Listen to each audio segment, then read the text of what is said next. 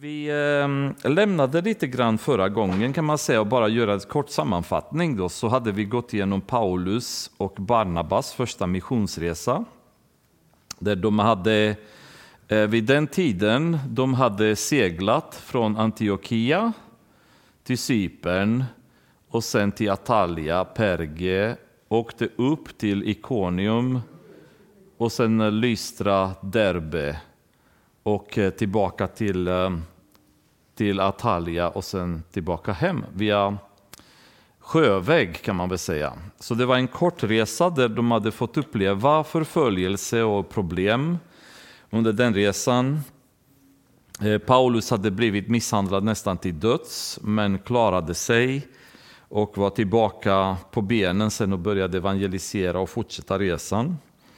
Men efter den resan så kom det en, eh, en schism kan man väl säga kring huruvida de som var greker, det vill säga hedningar som kom till tro, om de var tvungna att genomgå um, omskärelse precis som judarna, om omskärelsen var ett måste för att de ska bli frälsta och om Mose lag behövde hållas också fast de trodde på Jesus. Eftersom det fanns en rörelse och en, um, en um, vana bland judarna självklart att de ska hålla lagen. Då hade kyrkan samlats för första gången i kapitel 15 i Jerusalem för att bestämma kring huruvida detta var nödvändigt eller inte.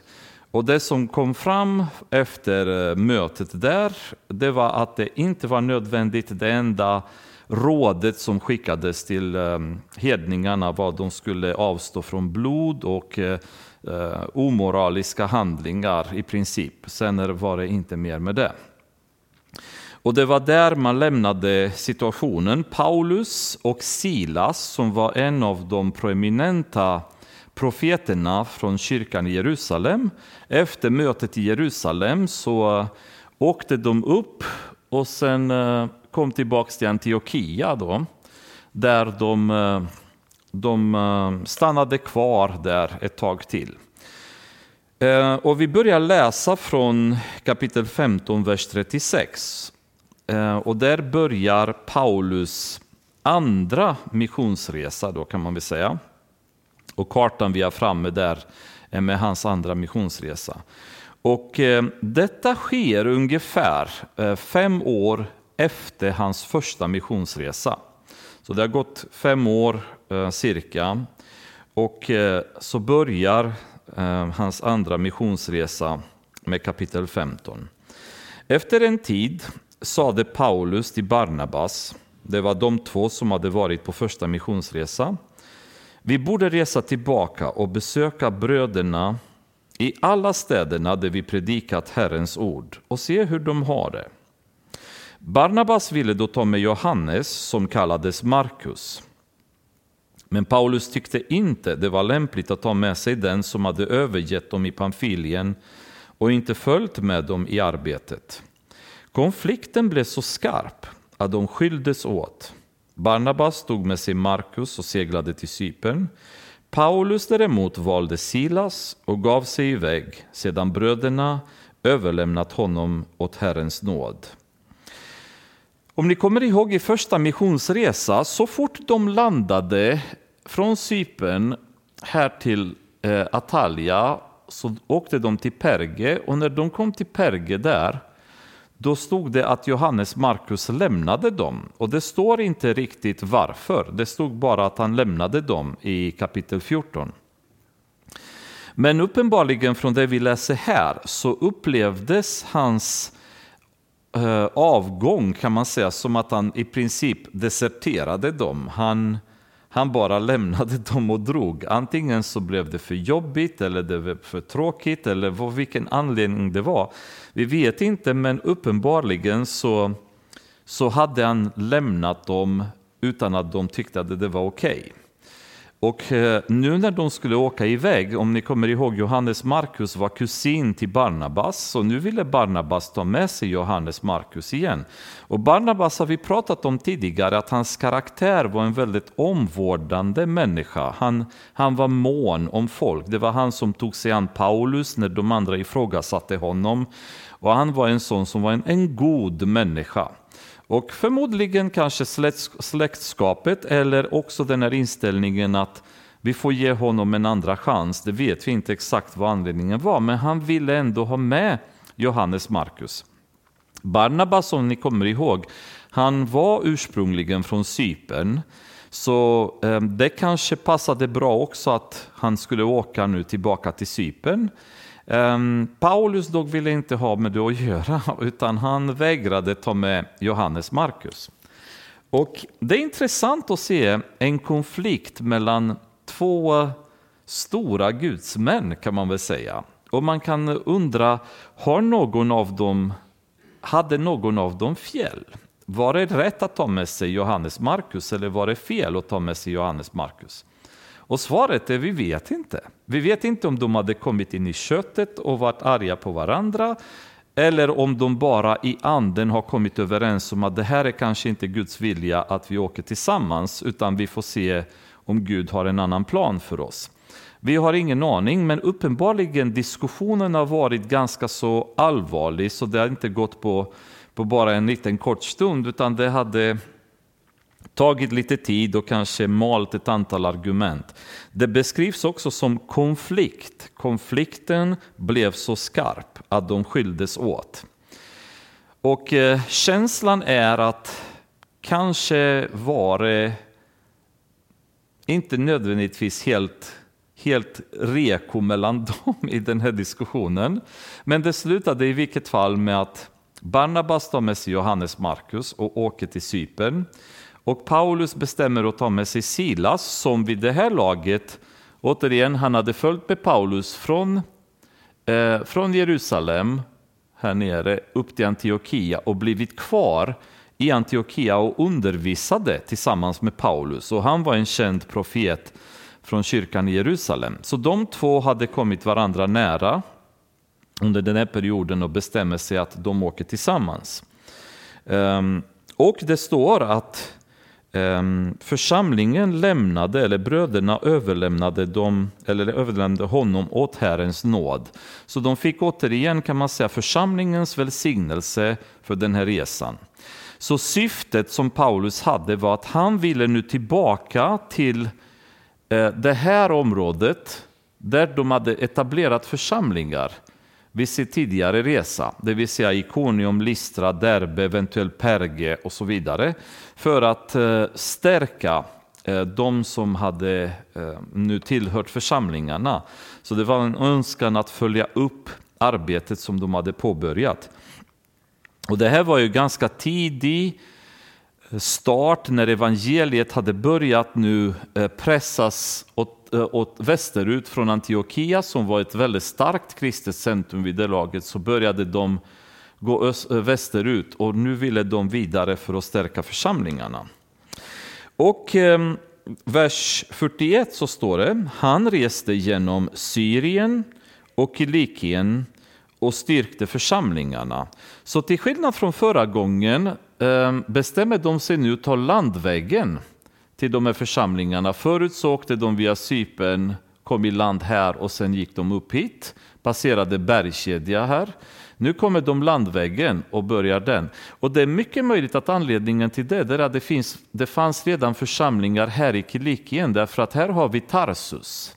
Och här hade Paulus varit verksam i tio år innan han drog på sin första missionsresa. Så vid det laget, antingen på grund av hans verksamhet eller andra kristnas arbete, troligen hade etablerats ett antal församlingar, så de ville ta den vägen och möta bröderna och styrka församlingarna på vägen. Då.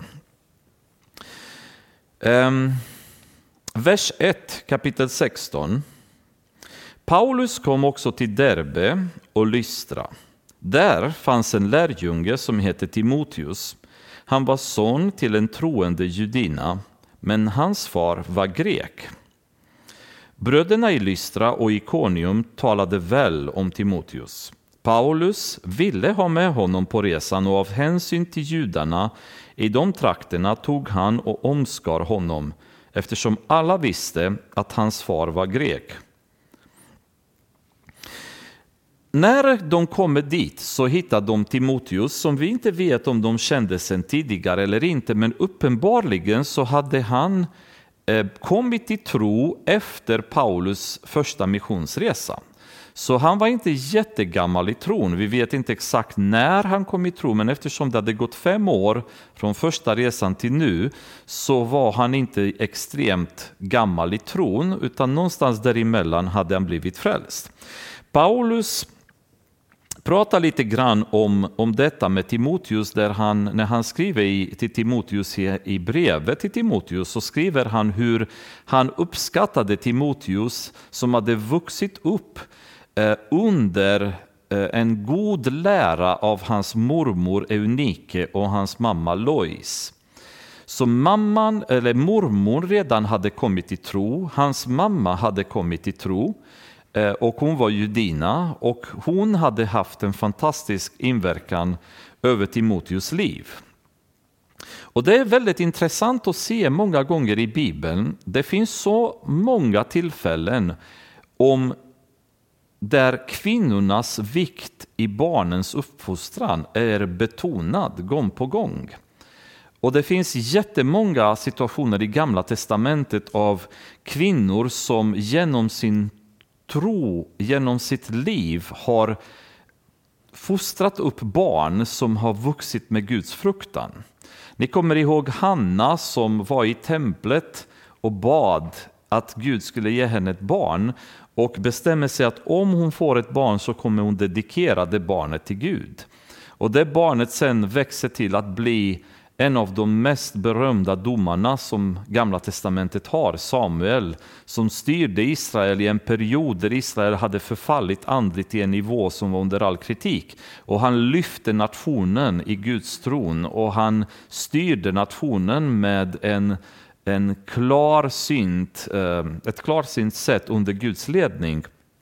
Han hade en mamma som verkligen betyder någonting för hans, hans uppväxt. Även i i eh, andra fall i Bibeln så ser vi hur kvinnor påverkar barnens uppfostran.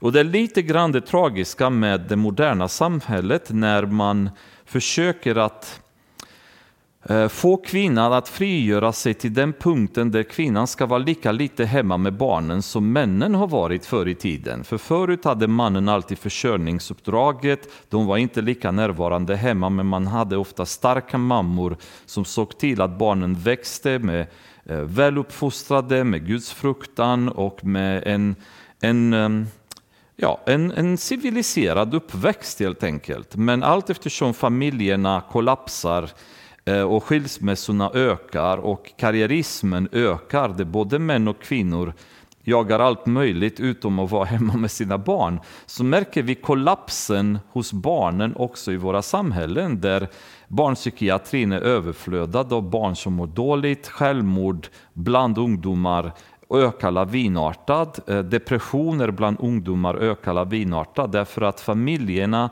har kollapsat. Och hur mycket jag än skulle vilja säga att mannens uppgift är lika stor som kvinnans, så kan jag ändå säga att jag tror att kvinnans uppgift är extremt mycket viktigare än mannen. Därför att kvinnan är den som har barnet från födelsen, ger värmen, ger tryggheten till barnen, medan mannen är oftast den som, eh, som Carolina sa sa idag till mig att man hade gjort någon slags studie där man visade när barn pratar med sin, sin mamma, vad ställer barnen för frågor? Och då är mamma, var, eh, var är mina grejer? När ska vi äta? Vad äter vi idag?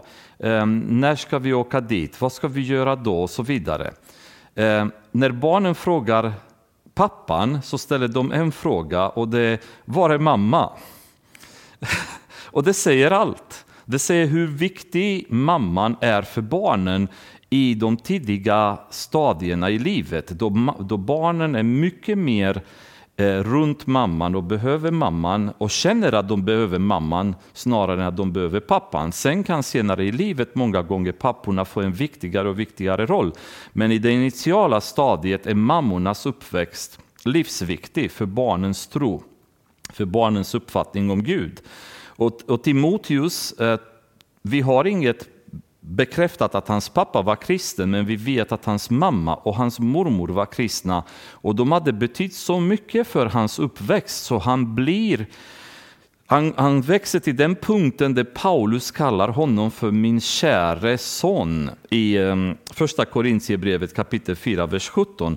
Men finaste beskrivningen av Timoteus har han sen i Filippibrevet, Eh, som jag tycker är ju fantastisk beskrivning om vad Timoteus var för slags person och vad han betydde för Paulus. Så vi kan öppna till Filippibrevet kapitel 2. Jag har fått en ny bibel och jag hittar mycket svårare i den här.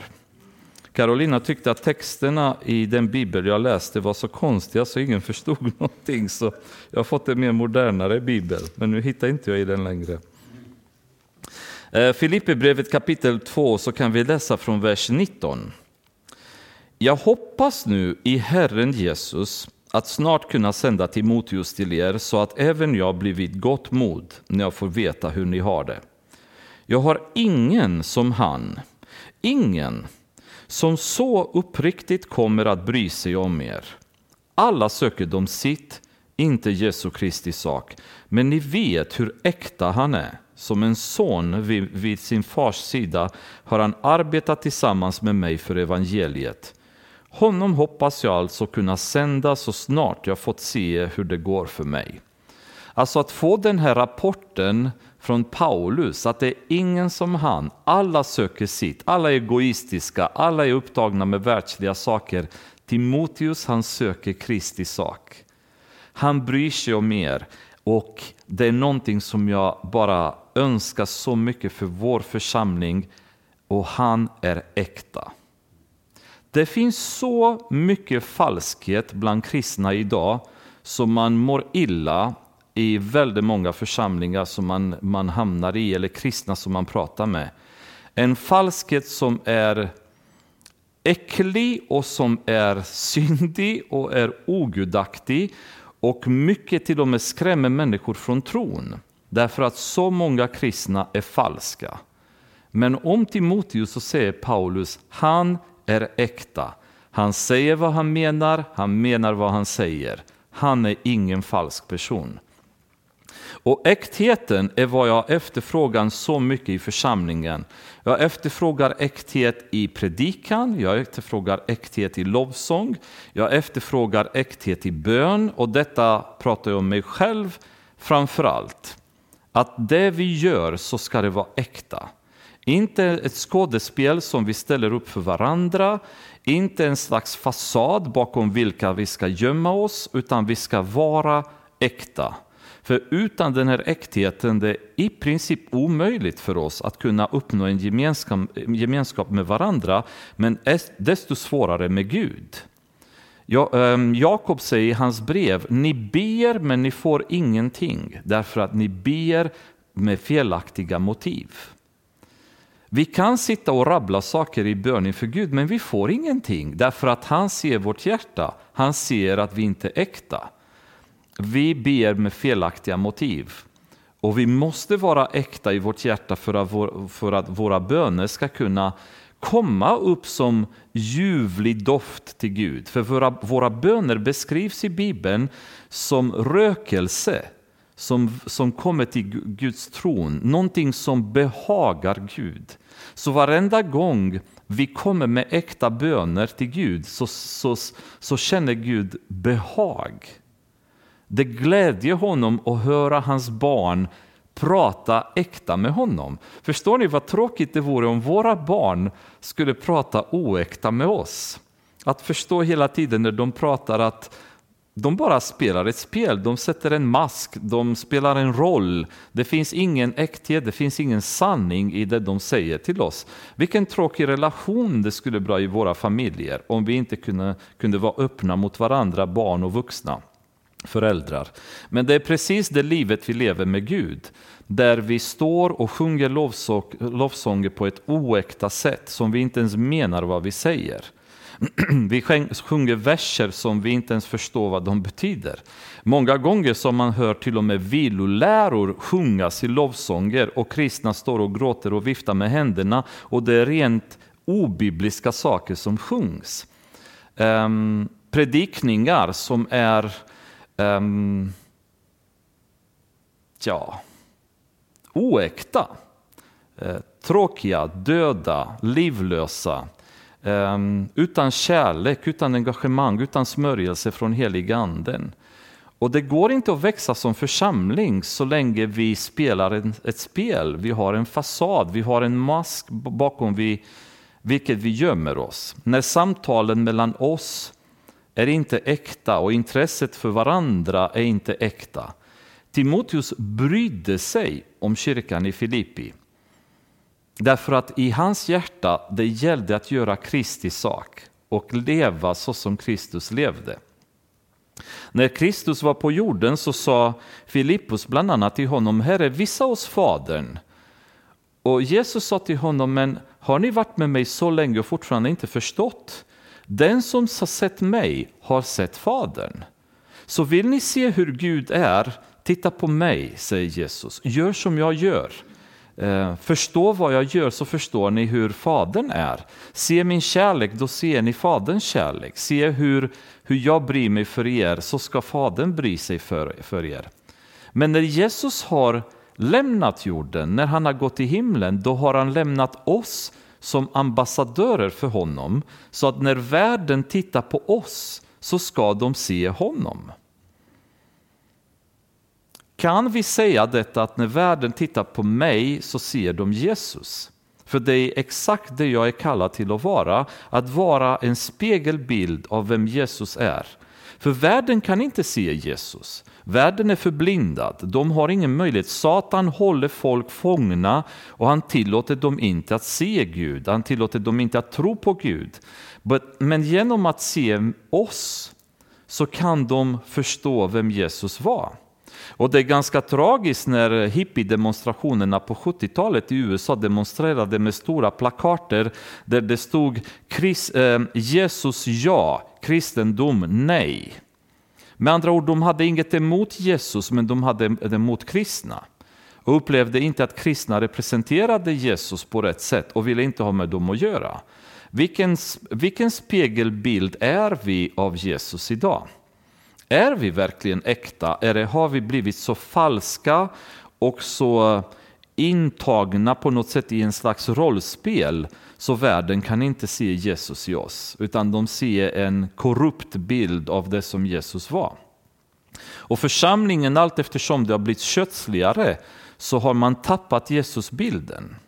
Eh, man ser inte Jesus i församlingen, man ser inte Jesus i kyrkan och därför så lockar inte kyrkan någon att vilja vara med.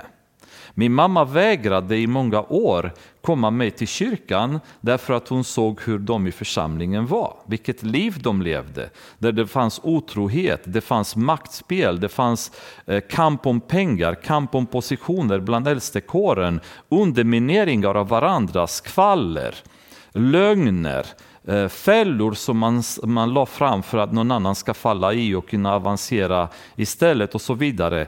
Eh, fula spel i alla dess former och min mamma tittade på detta och sa vad ska jag där att göra? I hennes värld så var Gud och kyrkan samma och det är helt rätt. Jesus och församlingen är samma. Vi är ju hans brud, vi har hans bild inför världen. Men vilken bild förmedlar vi? Paulus säger ingen är som han, för alla söker sitt. Men inte Timoteus. För för Timoteus var det viktigt att göra Kristi sak och vara äkta. Bry sig om de andra människorna på riktigt så som Jesus hade gjort. Och här i kapitel 16 så möter vi honom för första gången. Och om vi kommer att gå igenom eh, Bibeln mer och komma in i epistlar och så vidare. Vi kommer möta honom många gånger fler. För han blir en viktig äldste för församlingen i Efesus och, och styr eh, på ett väldigt fint sätt som Paulus berömmer många gånger i de epistlar han skickar till Timoteus.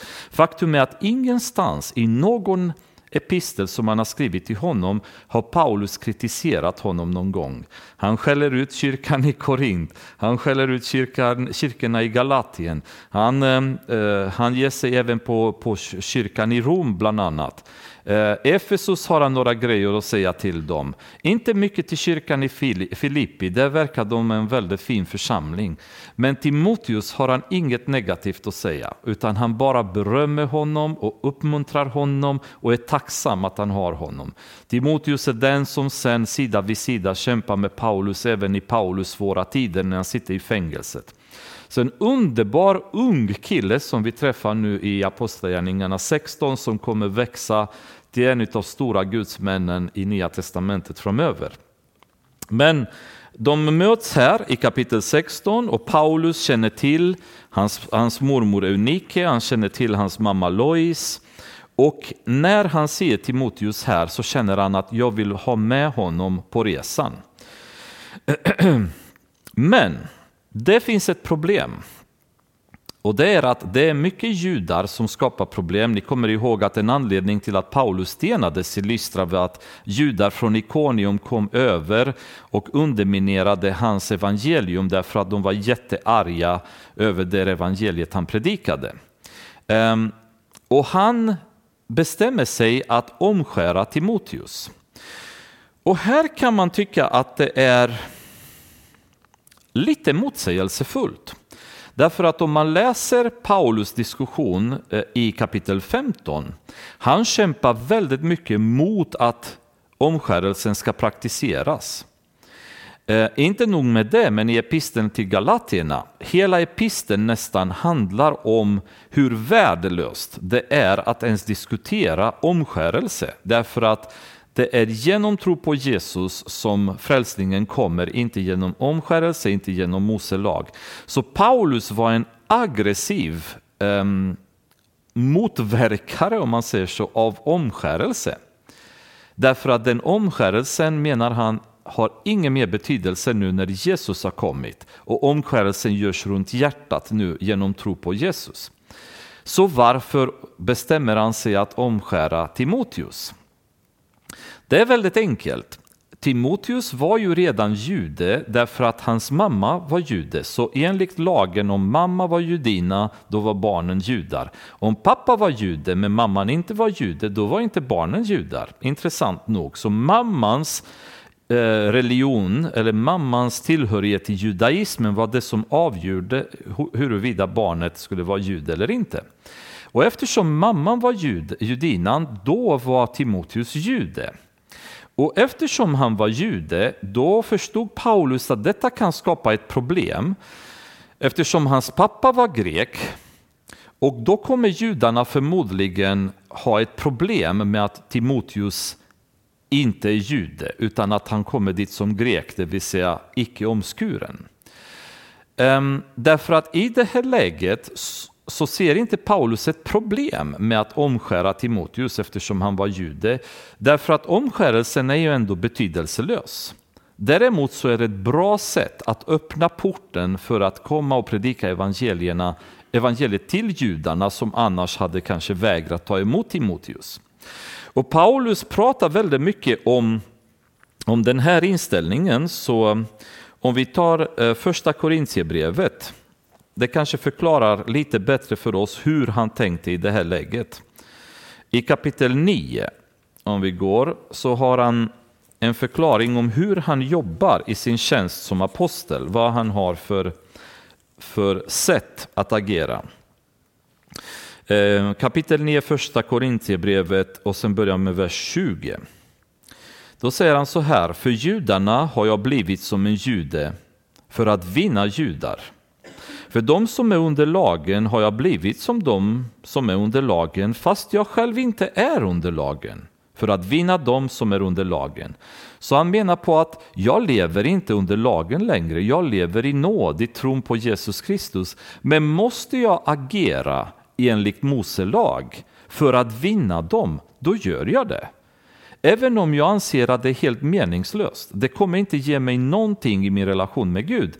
Men det är inga problem för mig att göra avkall på det jag tror på så länge det inte är eh, grejer som kräver att jag kompromissar i min tro med Gud. Så han är beredd att leva som de gjorde för att kunna få dem till Kristus. Vers 21, för de som är utan lag har jag blivit som en utan lag för att vinna dem som är utan lag, fast jag själv inte är utan Guds lag utan lyder under Kristi lag. För de svaga har jag blivit svag för att vinna de svaga. För alla har jag blivit allt. För att i alla fall frälsa några. Allt gör jag för evangeliet för att även själv få del av det. Så han är beredd att, att göra avkall på det han tycker om, det, han, det, det sätt han lever, så länge det inte inkräktar i det som är rätt och fel. Han är inte beredd att synda, han är inte beredd att kompromissa. Men utöver det så är han beredd att göra allt för att få människor till Kristus. Och i det här läget så kan man säga så ser han att det finns en bra anledning att se till att Timoteus blir omskuren. I Galatierbrevet kapitel 2, vers 3 så säger han dock en helt annan sak om Titus. Titus var grek. Och de här som krävde att hedningar ska omskära sig eh, hade härjat nu i kyrkorna i Galatien. Och då berättar Paulus för dem att han vägrade omskära Titus. Därför att Titus var grek. Och då ville Paulus skicka en, ett tydligt budskap att omskärelsen behövs inte för att bli frälst. Utan tron på Jesus räcker. Men eftersom Timoteus var jude, då spelade det ingen roll om han omskar honom. Då kunde han, han få plötsligt en öppen dörr till judarna, prata enklare om evangeliet med dem. Men när det krävdes att omskära Titus, det vill säga när det krävdes att acceptera att omskärelsen var så viktig så du måste ha det för att tro på Jesus Kristus, då vägrar Paulus omskära Titus. Så det var två olika fall med två olika personer, den ena grek, den andra jude. Så det handlar inte om att Paulus kompromissade utan att han såg möjligheten att vara allt för alla för evangeliets skull. Och det kan jag säga, det talar ganska mycket till mig. För att när man möter vissa kristna i olika sammanhang så har de olika seder och vanor. Ehm, eller hur människor ser på kristna. Det är väldigt viktigt att tänka på det.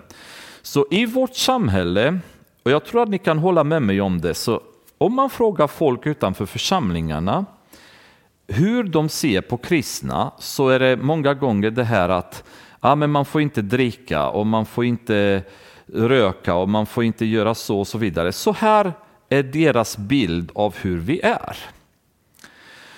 Och då är det frågan, ska jag gå ut i samhället och börja leva fritt i de friheter som jag har och inte bry mig vad de tycker och tänker om mig?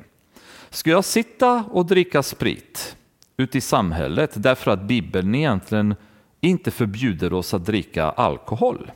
Det förbjuder oss att bli fulla. Det, förbjud, det, det uppmanar oss att bli fulla med helig anden, inte fulla med sprit. Men ingenstans i Bibeln förbjuds alkohol. Jesus har druckit, det vet vi. Så um, Paulus säger till Timoteus att det är okej okay att dricka. Och vad många kristna har gjort, det är att i deras intresse att kanske förlusta sig lite mer i vad världen har att erbjuda och säga Bibeln säger inte att vi inte får dricka, så varför ska vi inte göra det? Nej, men vad säger världen om det? Vad säger mina grannar om de ser mig sitta och dricka? Vad säger mina grannar om de ser mig sitta och röka? Ingenstans i Bibeln ens diskuteras cigaretter. Det, det står att ingenting får ta över eller ingenting får förslava oss under ett missbruk till exempel. Men så länge någon säger att ja, jag röker eh, bara feströker eller varannan vecka eller sådär, ja då går det bra liksom antar jag. Men vad säger mina grannar? Det finns dock länder där kristna anses inte ska dricka kaffe därför att kaffet anses som en, ett medel som kan ta över ens liv och bli beroende av. Så om vi besöker de här länderna så tycker jag det är väldigt viktigt att vi beter oss precis som Paulus gör och låter bli kaffet. För deras skull, för att vittnesbördet inte ska bli förstört, för att vi ska få en lättare dörr att predika evangelium och inte lägga spärrar i deras möjlighet att se budskapet från Gud komma. Sen om vi sitter och dricker kaffe i vår kultur här i Sverige där inte en människa ute i samhället tycker det är konstigt om en kristen dricker kaffe, ja då har vi inget problem. Men att gå och dricka kaffe i ett land där kaffet anses vara synd kan bli problematiskt för oss om vi tar oss den friheten. Och Paulus säger, jag är beredd att begränsa mina friheter om jag kan få några till tron. Han är beredd att offra allt som han har rätt till att göra. Och om ni läser Romarbrevet kapitel 14 så är det en exposé om vad kristna friheter egentligen betyder. Och han kan säga, jag kan göra allt, allt är mig tillåtet, säger han där. I första halva av kapitlet. I andra halva av kapitlet börjar han berätta hur han börjar strypa sina friheter för andras skull. Jag har de här friheterna, men jag väljer att inte använda dem för andras skull. Därför att Kristus evangelium är så mycket viktigare för honom än hans friheter. Och Det här är ett exempel på hur han är beredd att gå i ett område där han normalt sett skulle ha sagt det behövs inte. Omskärelsen gör ingen skillnad i det läget. Så om man åker till exempel det blev oftast en konflikt i kyrkorna i Rumänien när västerlänningar kom och kom i shorts i kyrkorna. Därför att det var, man gick inte i shorts till kyrkan, så enkelt var det. Kvinnorna gick alltid i kjol. Och det kom amerikanskor eller eh, ja, nordiskor och så vidare och kom med byxor. Och, och man kände alltid liksom det bara krockade så mycket. Och de ansåg att men jag har ju frihet att klä, precis, klä mig precis hur jag vill. Ja, men varför måste du göra det här? Är det så svårt för dig att ta på dig en kjol? När jag var i Rumänien för ett antal år sedan, så det här eh, kedjan fick jag av Carolina när jag fyllde 30, jag har i princip haft det sedan dess. Men när jag var i Rumänien och skulle prata i en församling, jag tog bort det. Därför att där anses att det är inte fint, det är inte okej okay att man har smycken eh, av varken man eller kvinna på den tiden. då. Och då kände jag liksom att det är inga problem, då, då plockar jag bort det där. Den kedjan ska inte vara ett hinder för att någon där ska kunna få ett problem med att höra Guds budskap. Så det är lite sådana saker som jag känner att vi som kristna måste vara känsliga för, så att vi är beredda att offra våra friheter för någon annan, så att evangeliet aldrig behöver få ett hinder i vårt sätt att leva, i det beteendet vi har. Men jag tycker att vi kristna har blivit väldigt eh, mer hänsynslösa och mer egocentriska. Vi vill, gilla vad vi, vi vill göra vad vi tycker om att göra och de andra får bara acceptera. Och det är precis så världen tänker. Det är precis det tvn talar om för oss. Du ska göra vad du själv vill, du ska inte bry dig om andra, du ska uppfylla dina drömmar, du ska göra det du, det får dig att må bra. Medan Bibeln säger tvärtom, tänk hela tiden på din bror. Tänk hela tiden på den andra och var beredd att offra dig för dem, för det är ju äkta kärlek i Jesus Kristus. Och Det är någonting som vi kanske behöver växa mer i och anpassa oss mer till, då, som Paulus sa. Men han bestämmer sig i alla fall att omskära Timoteus för att på så vis inte hindra evangeliet från att komma fram.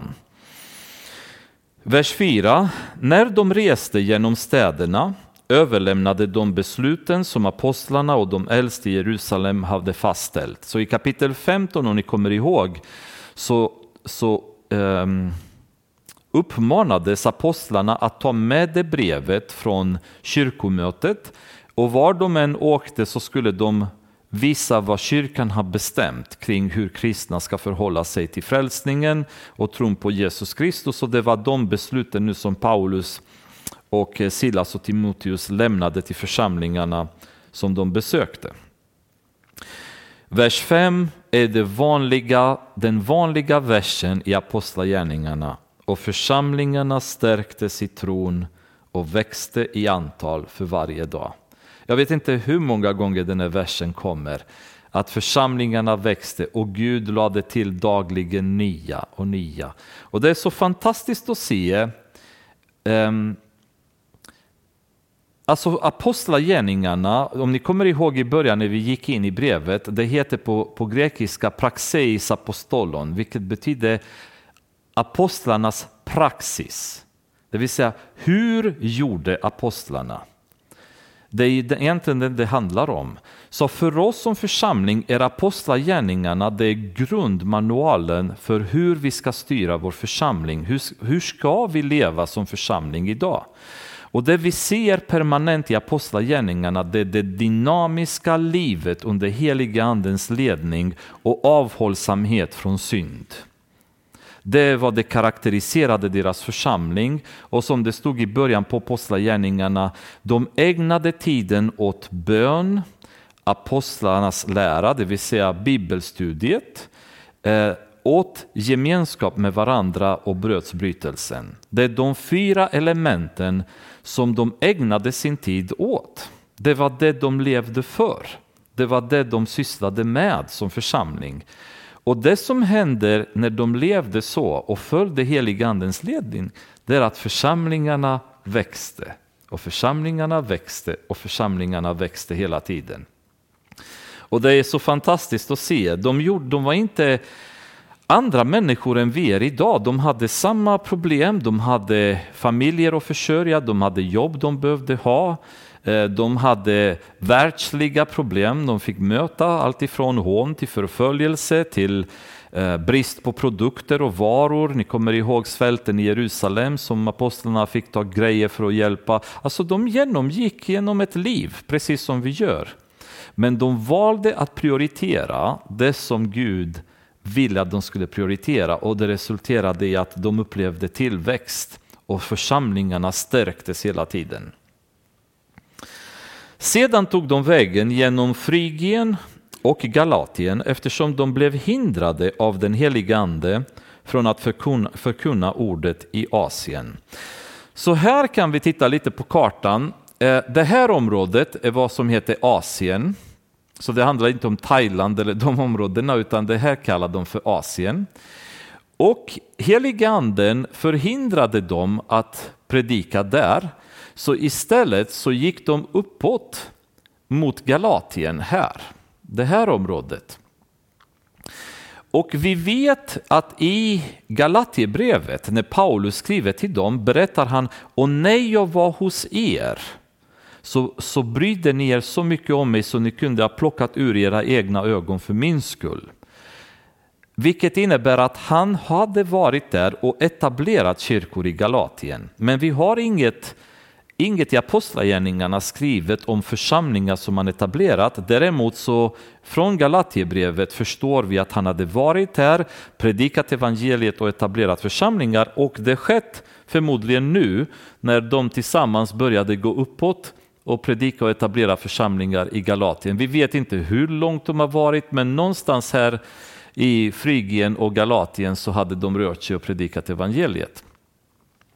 Um, och det är ju ehm, det är ett område, Galatien var ett område som var lite vildare i de trakterna, men uppenbarligen så till slut så har evangeliet börjat få fotfäste.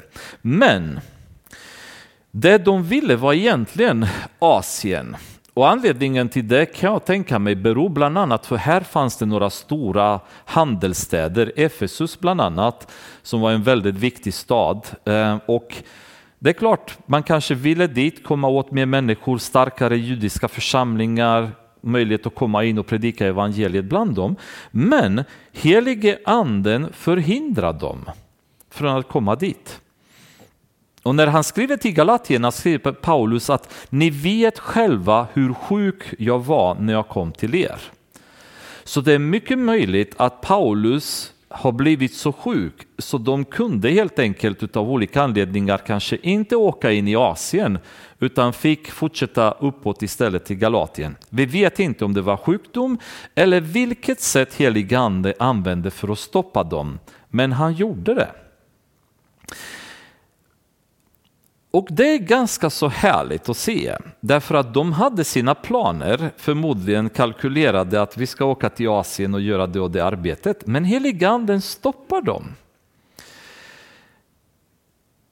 Föreställ er hur våra liv skulle kunna vara om när vi möter väggspärrar och motstånd så skulle vi istället för att skrika och vara irriterade och vara deprimerade och besvikna och gråta och, och, och, bara tycka att allt är jobbigt och eländigt. Om vi förstår att vår Gud har alltid en plan.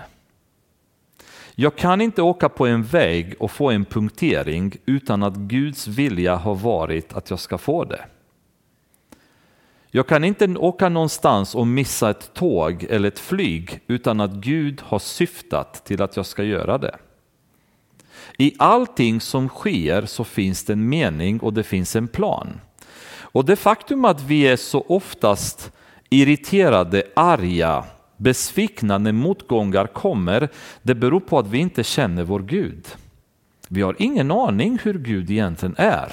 För skulle vi verkligen känna honom och ha äkta tro på honom, då skulle vi säga som Jobb har sagt, Gud har gett och Gud har tagit, må hans namn bli välsignat och får vi se vad som händer. Gud har en plan. Han vet varför. Eh, jag lyssnade på mm, en predikan om en pastor som berättade hur eh, mitt i natten på väg från en församling fick han en punktering på motorvägen. Och som han sa, att ni vet ju själva hur det är. Vem stannar på motorvägen och hjälper dig? I princip ingen. Så han lyckades till slut eh, ringa bärgningsbilen och han var lite halv eh, stressad för hans fru hade verkligen sagt att försök att vara i tid ikväll och var inte för sen och så. Där står han liksom med punktering.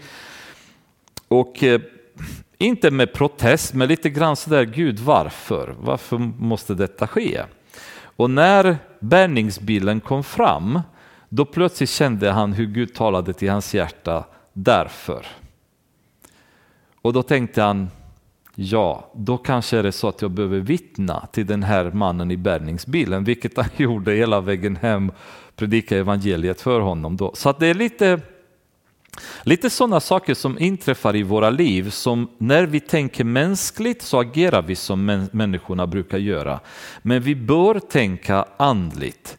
För förstår ni vilken seger vi har mot djävulen som permanent försöker att sabba för oss för att vi ska bli irriterade, vi ska bli besvikna, vi ska bli modfällda, vi ska börja bli arga på Gud. Hur kan Gud tolerera detta? Om han älskar oss, varför måste mitt barn bli sjuk? Varför ska någon i min familj dö? Varför måste vi gå igenom de här svårigheterna?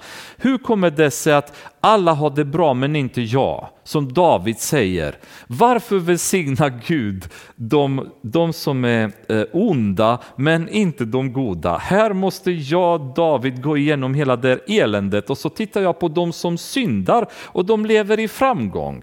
De har allt de behöver.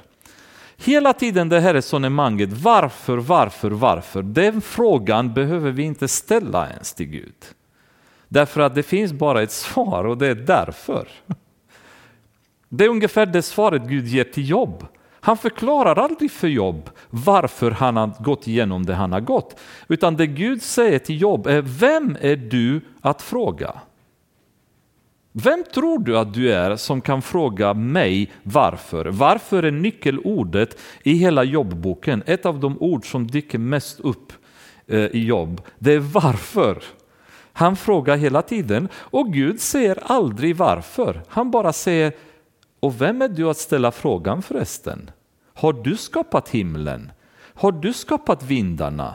Har du satt ihop hela det här universumet? Får du stjärnorna att stå på himlen av sig själva? Har du gjort allt detta? Har du satt Beetlejuice som en av de största stjärnorna på himlen? Och har du fått det i omlopp så att det rör sig med rätt hastighet? Om vi översätter med modernt språk.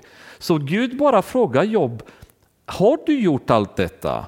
Så du känner att du har rätt att fråga mig varför? Vi har ingen rätt att fråga Gud varför. Vi ska bara säga Gud har gett, Gud har tagit. Må hans namn bli välsignat. Det är det bästa vi kan säga till Gud. Vad du bestämmer Fader så är vi med.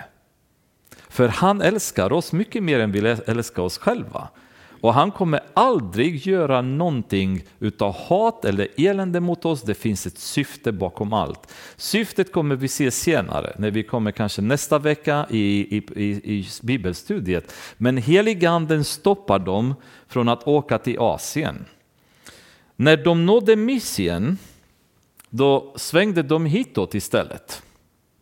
Så de var i Galatien, och som drog sig här uppe i norr vid Marmarahavet, nu är de. Ner till Troas, eh, nej förlåt, när de nådde Mysien försökte de ta sig till Bitynien. Bitynien ligger här uppe söder om Svarta havet. Så nu planerade de, okej, okay, vi kan inte gå västerut. De drog norrut och så vill de fortsätta nu vidare norrut med, mot Bitynien. Men det tillät inte Jesu ande.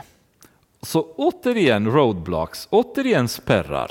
Och hur de stoppades, återigen, det vet vi inte. Men de stoppades från att åka dit. Det kan ha varit en dröm, det kan ha varit en profetia, det kan ha varit sjukdom.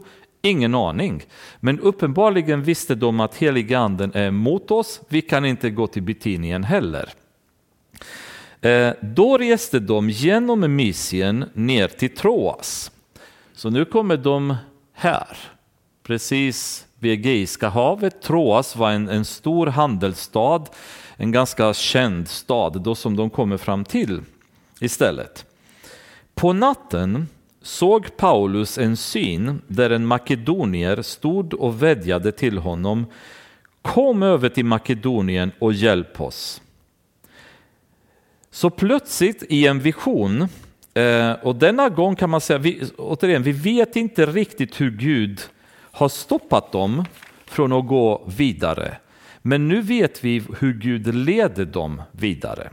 Om ni tänker oss i gamla testamentet så finns det flera situationer när Gud återigen har stoppat människor eller satt så stora vägspärrar i deras liv som har varit ganska så häftiga upplevelser. När Kungen av Moab ville eh, förbanna judarna så kallade han Balaam, eller Bileam heter han på svenska, profeten, som hade övernaturliga krafter och han skulle eh, förbanna judarna när de kom genom öknen från Egypten. Ehm, men Gud förbjuder Bileam att förbanna judarna. Och han säger till kungen av Moab att nej, det kan jag inte göra för de har Gud, den allsmäktige gudens beskydd. Jag kan inte förbanna dem. Kungen av Moab visste att människor är människor.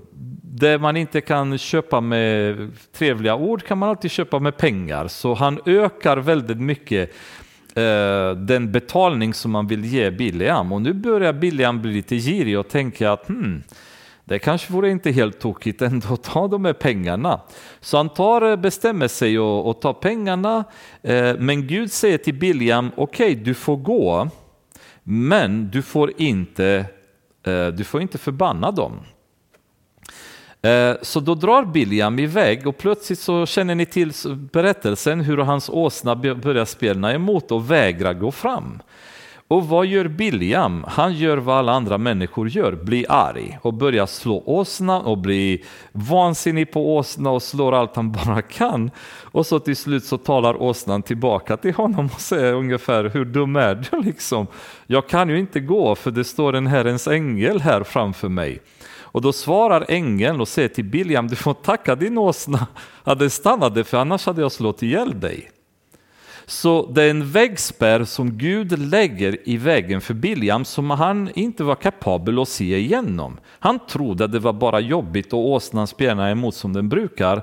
Men denna gång så var det Gud som stoppade det. Ni kommer ihåg Josef som levde ett fint liv med sina föräldrar och sina syskon. När plötsligt en dag på ett väldigt orättvist sätt så tar hans liv en helt annan vändning då han säljs av sina bröder till Egypten. Han hamnar i Egypten, han får liksom vara tjänare och han blir orättvist anklagad eh, på grund av att skulle ha varit otrogen eh, med Potifars fru. Han blir eh, kastad i fängelse. Förstå hur vi hade reagerat där. Hade vi kanske ropat och skrikit vad är detta? Vad har vi gjort för fel? Varför hände detta oss då? Josef han bara lever rent och följer Gud och han klättrar vidare därifrån. Ni känner berättelsen tills han blir premiärminister i Egypten. En väldigt lång väg och ett väldigt tufft liv för att Gud ska uppnå ett syfte och det är för att rädda judarna under svältperioden. Vem hade trott? Tänk vad, vad dåligt hade varit om Josef, Josef hade skrikit och anklagat, anklagat Gud utan att ha en blekaste aning om vad Guds plan var. Men han var inte en sån. Han var trogen, han levde nära Gud och accepterade vad, vad Gud hade för honom att göra. Det var väggspärrar som kom. Ni kommer ihåg församlingen i Jerusalem, bara några kapitel bort i Apostlagärningarna, när förföljelse startar med Stefanos död. Varför? Varför ska detta hända oss? Jo, därför att evangeliet behövde predikas i Jerusalem, i hela Judeen, i Samarien och till hela världen, till världens ände. Det var dags att få bort kristna från Jerusalem ute på vägarna. Och det började på ett aggressivt sätt, men som dock stärkte församlingarna. De växte i tron, de växte i styrkan och kom till den andliga mognaden de behövde för att kunna gå vidare sen i de uppdrag som Gud skulle skicka honom till. Istället för att sätta sig ner och skrika och vara missnöjda och gråta så har de vuxit i sin tro och kunnat bli använda av Gud. Och vi, ni vet att vi har många gånger tyckt att våra församlingar är lite grann som andliga bebisar som bara sitter och gråter och morrar och skriker. Och jag tycker tyvärr att det är väldigt mycket så även när vi ser hur vi hanterar motgångar. När motgångar kommer så är det ett ojande utan dess like. Det är sällan leendet är kvar på våra läppar när vi möter motgångar. För att ingen av oss verkar vara kapabel att förstå att motgångar är välsignelser. Motgångar är möjligheter för oss att hamna i Guds vilja och han leder oss för att kunna hjälpa oss att komma in i hans plan. Och motgångar är en del av hans plan för att stärka oss, för att guida oss, för att ödmjuka oss, för att hjälpa oss att ha tro på honom. För han är ju sällan intresserad av att visa oss hela vägkartan för våra liv, utan han vill att vi ska tro på honom. Och tron innebär att även när vi vandrar genom dödsskogans dal så måste vi veta att hans kärlek är alltid med oss. Att han är alltid trogen. Och vi ska inte bara tro på att han är trogen därför att han ger oss allt vi behöver. Vi ska tro på att han är trogen när vi inte har någonting. Och vi tror att vi lever i en isolerad värld och övergivna utav alla. Där ska vi ha tro att Gud är med oss. Allt som händer eh, verkar till det bästa för dem som älskar Gud, säger Romarbrevet 8.28. Och den versen i, i sinnet för oss, det hjälper oss att navigera i livet och Satan kan inte nå oss. För han skickar hans pilar och skjuter tvivel och han skjuter missnöje mot oss och vi parerar allt med trons sköld. Ni kommer ihåg från Efesierbrevet. Vi lyfter trons sköld och släcker alla de pilar som han skjuter mot oss för vi tror på Gud. Jag tror att det är tron på Gud som saknas i församlingar på riktigt, alltså inte den här teoretiska tron, utan tron som leder till handling, tron som leder till förändring, tron som leder till omvändelse. För det är då vi vet att vi tror, säger Jakob. För även djävla, demonerna tror, eller djävlarna tror som man skriver, så att tro i sig på ett intellektuellt nivå är ingenting, säger han. Men att tro och få tron att förändra oss, det är den tron som betyder någonting för Gud. Det är då vi kan flytta berg, därför att då är vi inne i Guds vilja. Och det är underbart att se hur heliga anden väljer att stoppa dem och sen plötsligt så får de en syn där en man från Makedonien ropar kom över till Makedonien och hjälp oss.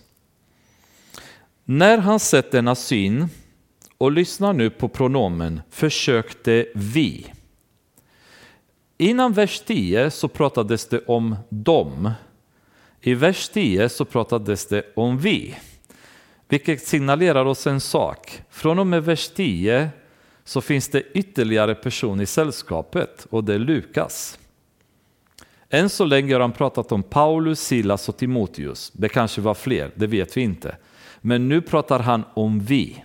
Så nu kommer han och en del av sällskapet. Och han pratar väldigt oftast väldigt ödmjuk om sig själv.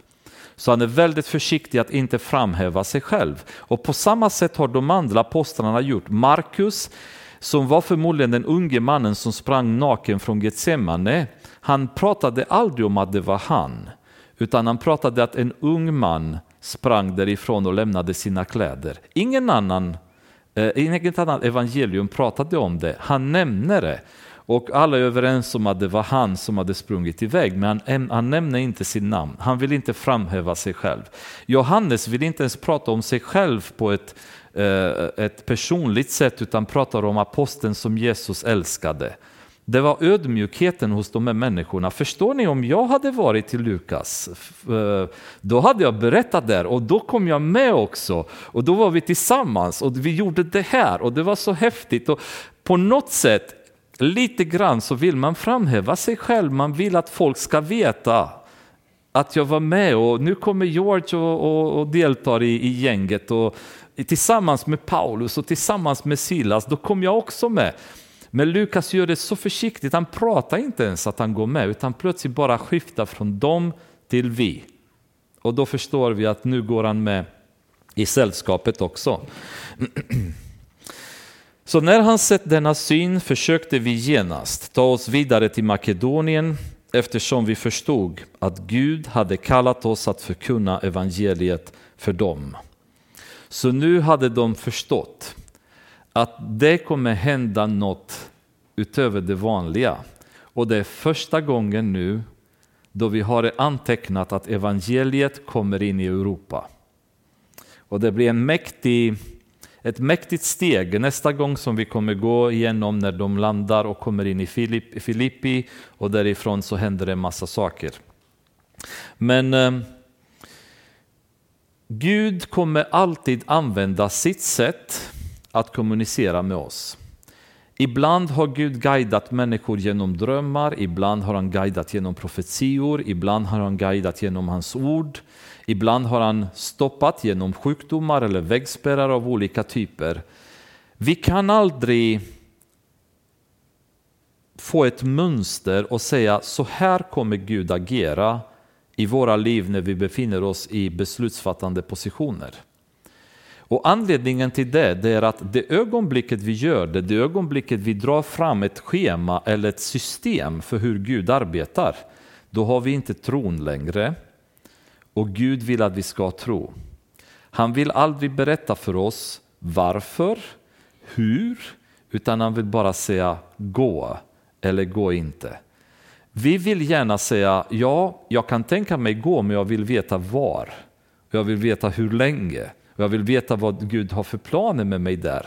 Men så jobbar inte Gud, utan han säger bara gå. Och då går vi.